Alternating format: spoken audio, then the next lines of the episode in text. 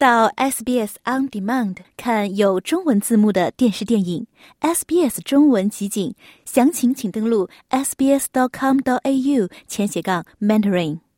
从法律角度看待社会现象，以专家意见指点生活迷津。请听现场说法，现场说法，您了解法律、咨询问题的空间。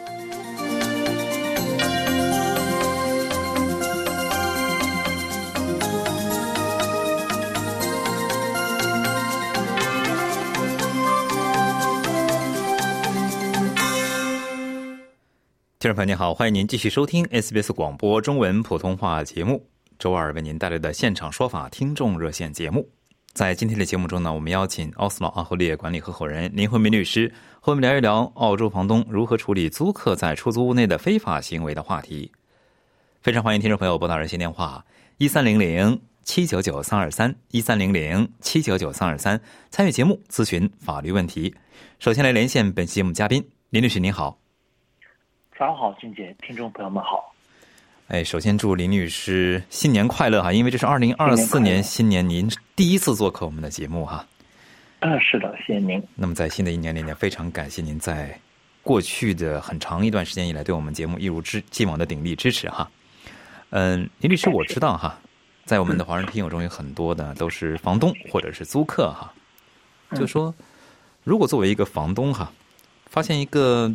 自己的租客有可疑行为，或者是他的行为认为有非法行为，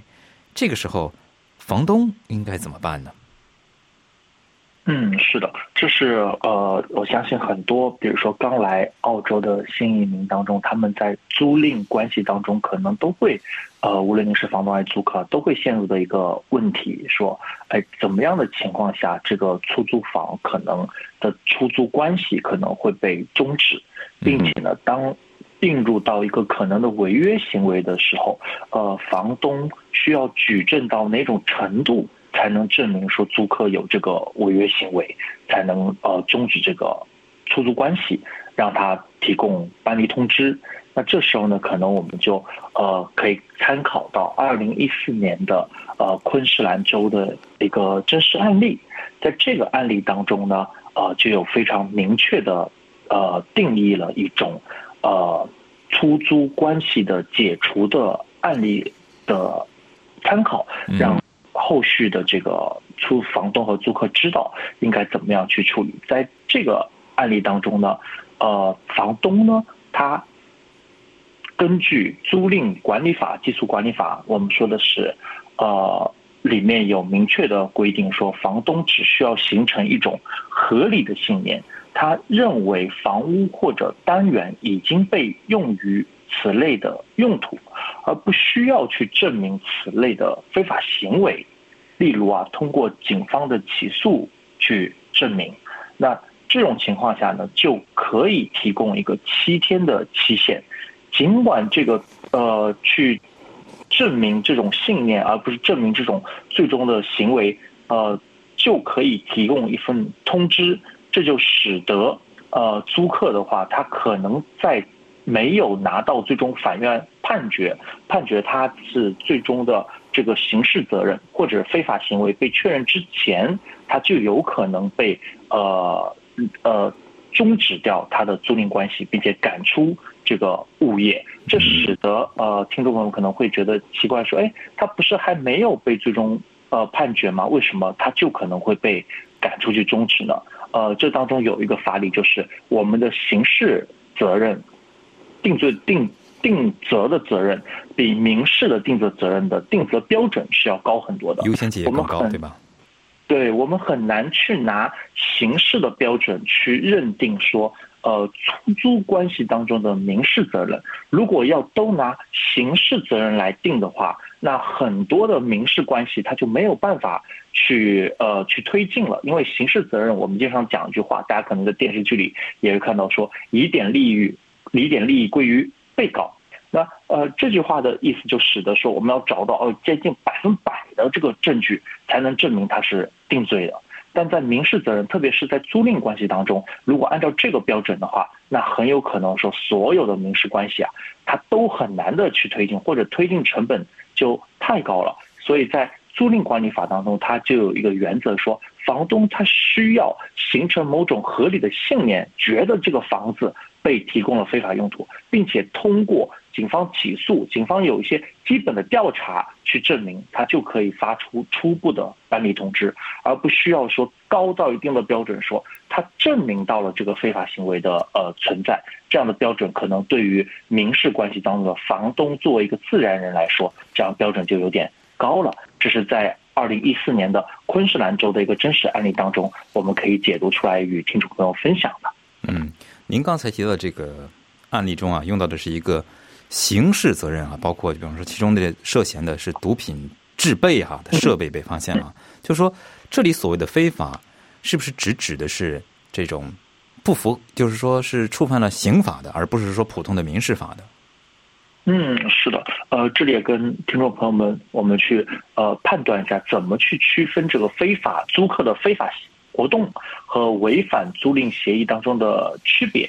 那租赁合同违约是指这个租客呢没有遵守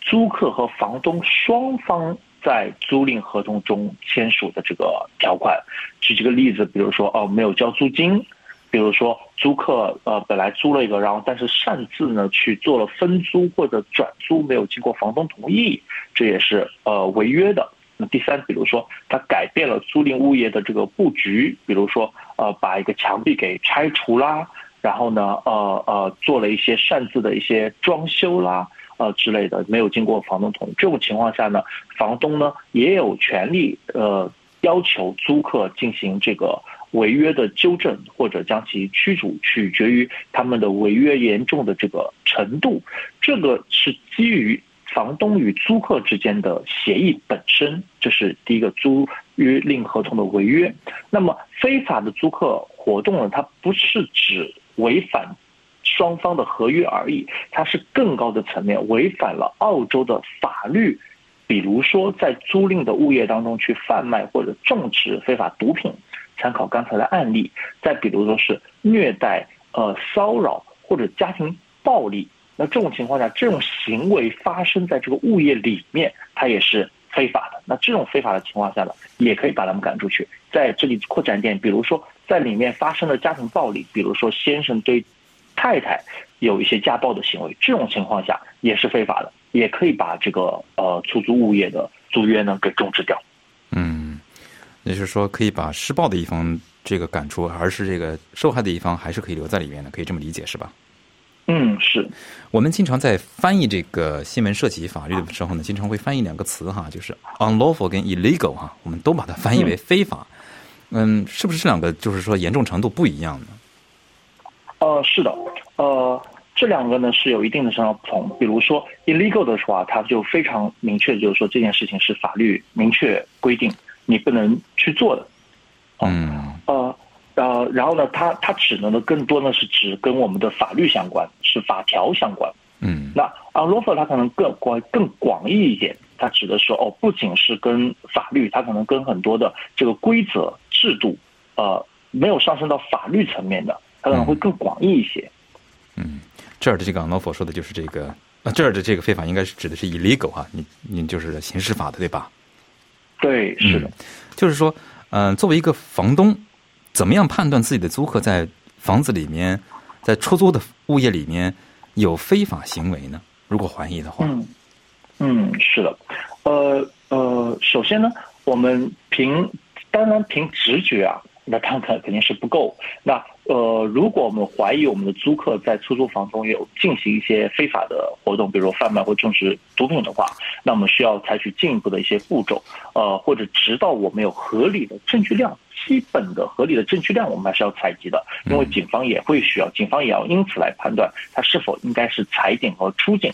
在这个过程当中，我们还一定要去确定说，我们在尊重租客的隐私和采证当中，我们要取个平衡。比如说，首先啊，我们应该去阅读每个州租客权利跟他的责任，对这个先有个了解。呃，比如说我们去采证的时候，我们不能对着这个房子或房房子里面租客自己的隐私去进行大规模的这个拍照，那肯定是呃不合适的。那此外呢，我们可以去定期或者是呃给予临时通知的去检查出租物业，通常是我们发现可疑租客活动的一个非常好的一个方式，而不是在没有经过任何同意的情况下，呃，只是凭着直觉就去大规模的这个拍照。呃，所以一般来说呢，呃，最好的方式呢，就是呃，通过给予一定的通知，包括定期检查，包括突击检查的通知，去进行呃这个呃查看跟搜证。呃，以下是一些可以确认非法租客活动的一些事项。我们举几个例子，比如说确认租客是否真的住在里面，而不是把它转租给别人或者当做某种非法物品的储藏物点。呃，比如说我们看要去检查说，哎，墙壁啊、地毯啊是否有水损啊？呃，我们要进去看一下是否有奇怪的化学物道啊、味道啊，垃圾是否没有被处理啊？呃，有被焚烧的这个迹象啊？呃，烟雾报警器是否需要检查？管道是否需要检查？呃，等等，这些都可以进行通过呃检查的事项，然后进行一些搜证。当然了，租客想碰上好房东，好房房东呢也想碰上好租客哈。就是在房东出租房产之前，我们来聊聊怎么预防这个非法租客活动的方法吧。你有什么建议吗？嗯，是，呃，我想处理租客的，呃，处理租客使用这个物业去制造或销售毒品或者其他的一些违法的。呃，不法行为的最佳方法呢，就是在发生之前啊，就避免它可能发生，确保物业的出租前呢筛选对了的申请人，并且呢要可以呃所有的求呃求租者呢都需要提供呃相关的专业或者个人的这个背景呃资料，呃如果有需要的话，其实还可以推荐。房东去联系这个物业经理之前的这些参考人，或者他之前的出租经理去做一个背景调查，呃，这是一方面，在呃拿到他们资料的时候，就先看一下他们自己的专业背景和个人背景，以及他们的求租背景。求租背景当中还会附带他们以前的出租经理，也可以进行联系，呃，跟调查。那么一旦租客搬进去之后，那这个租约原则上就是有一定的时间限制的，就不能哦说终止就终止。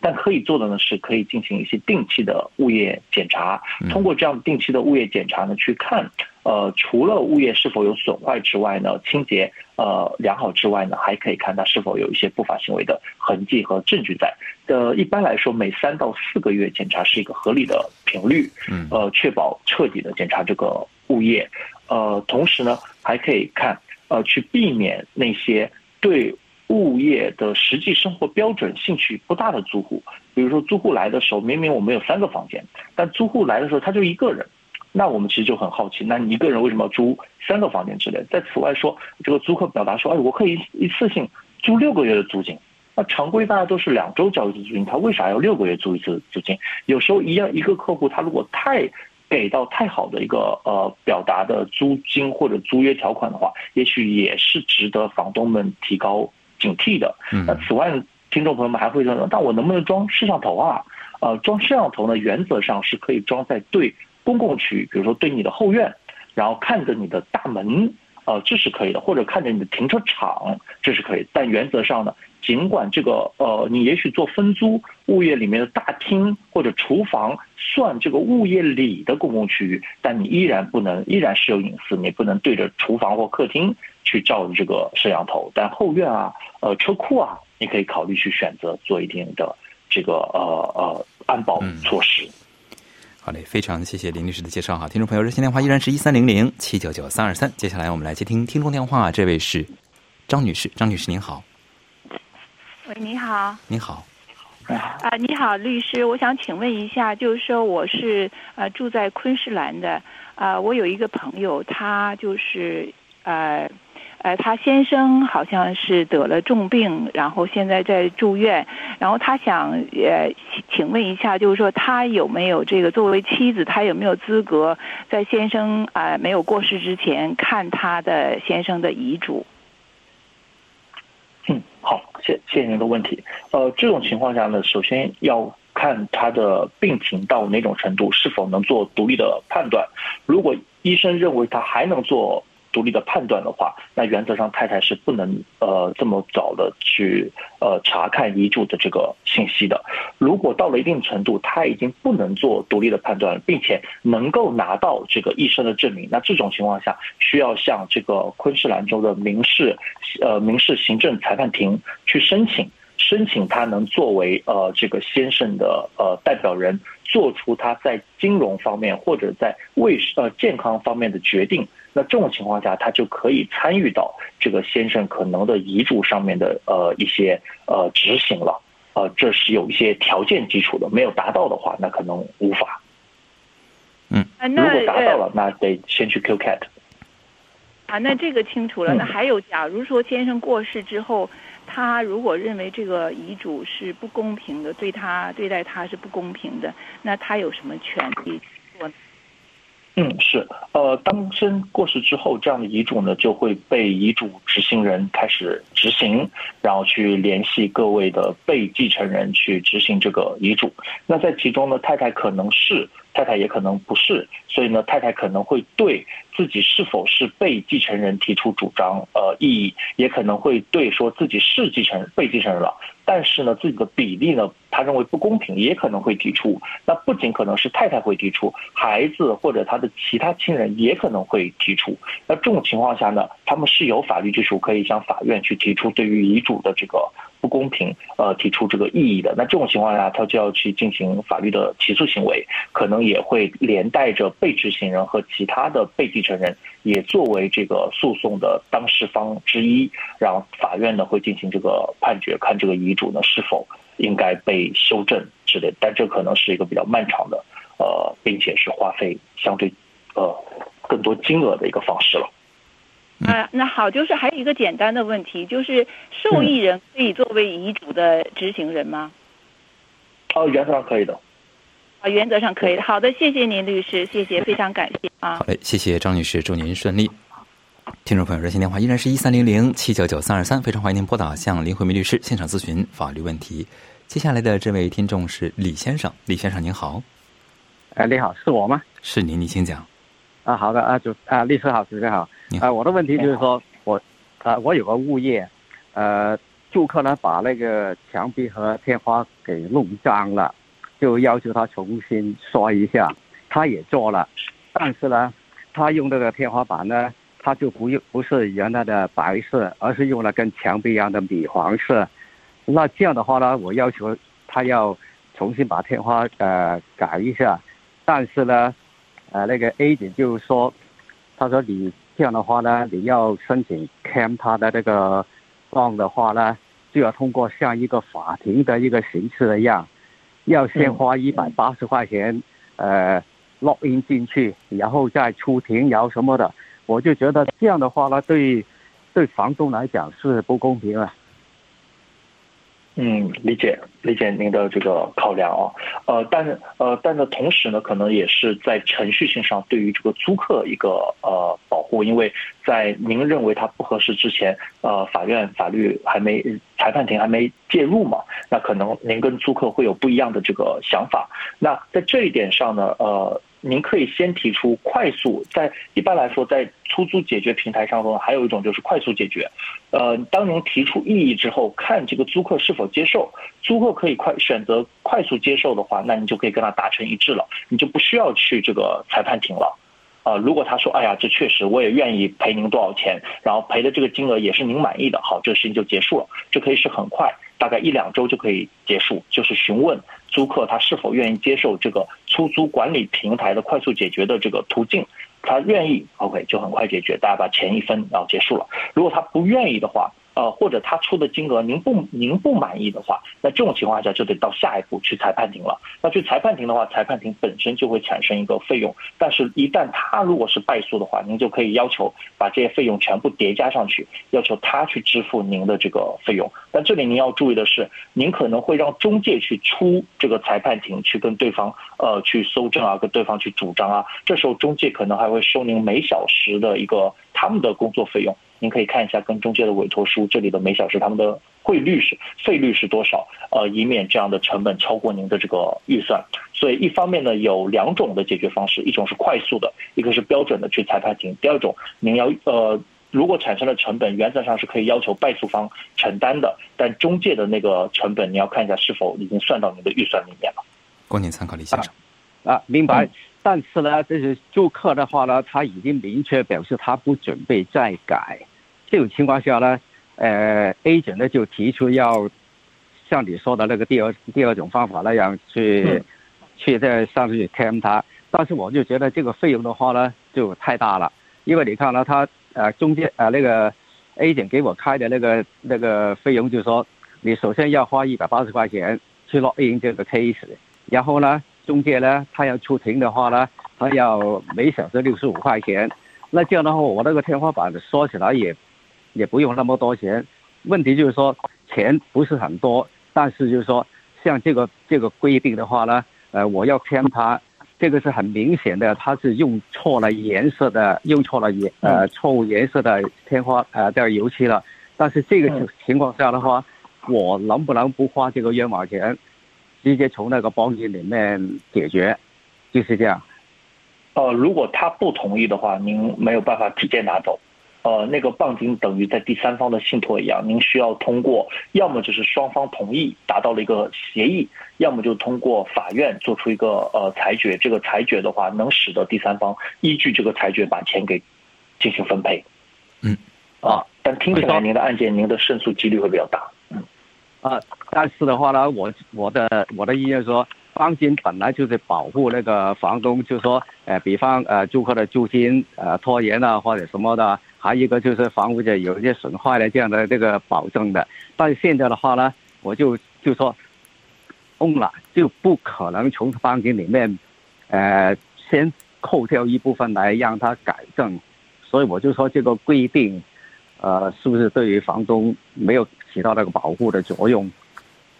呃，对，您可以理解为是您在这个实体正义上面，可能您现在有比较多的这个呃基础，呃，可能胜诉的几率比较大，但依然我们还要走一道程序正义。呃，也许这个租客有不一样的这个主张，可能是在我们意料之外的。比如说，在他所在的，他可能会主要说，在他所在的区域，他花费了很多精力都没有买到一模一样的这个油漆颜色。当然，这个主张可能会被采纳，可能不会。但是，我们一定要给予这个租客一次他给能给自己辩护的这个机会。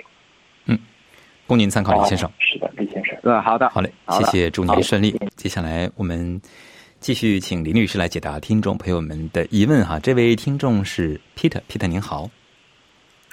喂，你好，是我吗？是您，您请讲。哎，你好，律师好，主持人好。你好。那我现在有个朋友吧，让我帮问一个问题，就是说，他们吧，就是两个人就是夫妻了，他们已经分居分居了多年了，就是在这期间吧，就是他们想帮我问一下，就是在法律的允许，法律允不允许他们双方各自在交呃异性朋友或者是同居？就这个问题，哎，好的，这样一个问题，呃呃，原则上呢，呃，我先确认一下，他们已经分居多久了呢？他们分居了能有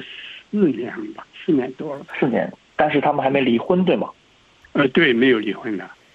哎，好的，没问题。那这种情况下呢，我们首先确定一下家庭法当中对于什么叫做夫妻或者事实婚姻。呃，在家庭法当中认定了婚姻呢是一领证，这个领证呢包括这个结婚证，包括民事关系证啊，这第一种就是领证，法律上注册了。第二种呢就是有孩子。有孩子也会被认为是进入一段事实婚姻。第三种呢是同居满两年以上，也会被认为是一个事实婚姻。所以，当他们分居已经四年的时候呢，那法院呢，呃，法院对离婚的要求呢是分居十二个月就可以提出，并且双方认为婚姻已经终止不可不可恢复了，就可以提交这个离婚申请了。因此，对于呃朋友他们夫妻俩其实已经达到了提交离婚的一个标准了。无论是单方申请还是双方申请，那在离婚判决还没有下来之前，在他们分居的呃这个过程当中，他们不能进入到另一个婚姻或者事实婚姻，也就是说，他们不能去注册。或者不能跟别人同居两年以上，或者跟别人有孩子，这种情况下呢，那呃，除了这几种情况以下呢，他们可以正常的有自己的社交呃交往，但是他们不能进入对另一段的注册婚姻或者是事实婚姻，除除非他们一直等拿到离婚证，那离婚证的递交之后大概是三到四个月，那他们现在呢看起来已经符合了这个离婚的基础条件了。所以呢，这这些信息呢，您可以传达给你的朋友，让他们知道离婚的标准，还有事实婚姻以及婚姻的标准，在离婚之前呢，不能进入到另一个婚姻或者事实婚姻当中。嗯，给大家参考。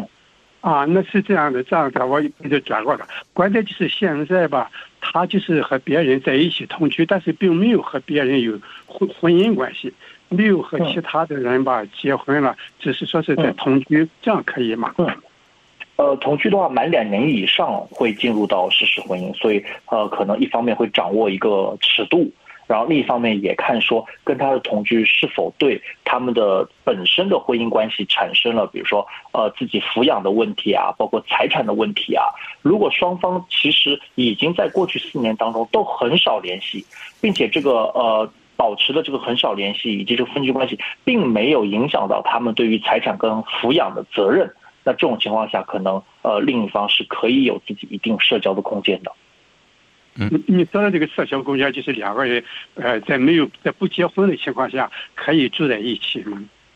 呃，但这社交空间不能达到我们刚才说的限制，比如说他们不能达到说进入到另一个婚姻或者事实婚姻当中。是的，是的，他们没有那个原本的接触。对，对他们也没有那个要求，说要达到另一个去结婚了、登记的也没有，他们只是同居。是的，所以呃，您看几个界限，第一个界限就是不能达到呃另一个呃标准，另一个这个事实婚姻或婚姻的标准。第二个不能影响原本的婚姻内的这个责任的呃履行。那对于孩子啊，对于财产没有巨大的这个呃恶性的这个影响。那这种情况下呢，他有一定的空间可以去社交。嗯嗯，好的，供您参考，皮的，祝您顺利哈，听众朋友，接下来我们听下面一位听众，这位是魏女士是吗？韦女士。啊，喂，你好，主主持人好，嗯，你好，律律师好，我我姓韦，哎，韦你好，你好，你好，啊，我的问题是这样的，就是昨天我的家人去呃 Medicare Center 去办事，呃，就是但是呢，那个呃办事处呢让他等了很长时间。然后服务态度呢也不好，那之之后呢，他就提出了就是要啊见经理，然后那个办事员呢就找保安把他赶出去了，然后还说要就是打电话报警，然后我家人呢就非常的难过，他说他都没说什么，只是在进行交涉，可能他的英语不太好，像这样的情况，我就想请教律师，这个嗯，就是像 Centrelink 这种。地方的他的办事员，他有什么样的法律的权利可以把他的他的 customer 给赶出去呢？想嗯，比较好奇，想咨询一下。对，哎，没问题。我想是两方面，一方面是 Central Link 对于呃来的这个呃呃社区的客户，呃，一个呢是我们社区的老百姓对于 Central Link，这是两个不同的。呃，这个关系。那么第一个就是说，如果 Central Link 您可能进去之后，或者有一些办公室当中，你经常会看到它上面对有一个写的一个零容忍，比如说他们可能会非常敏感对于一些行为，因为整个社区的呃是大家是形态是各色各样的嘛，所以他基本上会觉得一个行为它相对不常规的时候，呃或者不合理的时候，他基于零容忍的状态，他可能就会采取先报警，先报警，然后再做判断。呃，因为他需要把员工的这个权利也放到很高的一个位置，可能呃呃，您的家属并没有做太过激的行为，但是可能引起了这个三丘林克官员，他们可能觉得，哎，这种情情况呢，它不常规，所以他就先选择了这个报警，但其实警方也不会采取后面的这个呃后续的这个行为，这是从他们的角度。那从我们的角度的话，如果我们对三丘 link 的任何的服务有不满的话，我们是可以上那个呃 Service Australia。就 Google Service Australia，他们是专门有投诉跟反馈渠道，可以进行这个呃一定的这个反馈跟投诉的。嗯，供您参考，魏女士。由于时间关系，今天要和听众朋友们说再见了。有几位听众的电话还没有接听，不过没有关系。下一个周二的同一时间，非常欢迎您拨打热线电话一三零零七九九三二三来向我们的律师嘉宾现场咨询法律问题。在节目最后，温馨提醒您：因个人情况因人而异，法律问题复杂。本节目呢，仅供一般性参考，并无意提供任何个案法律建议。具体法律纠纷呢，请您咨询专业的律师。想听到更多这样的故事吗？您可以通过苹果播客、谷歌播客、Spotify，或者您喜爱的方式下载收听。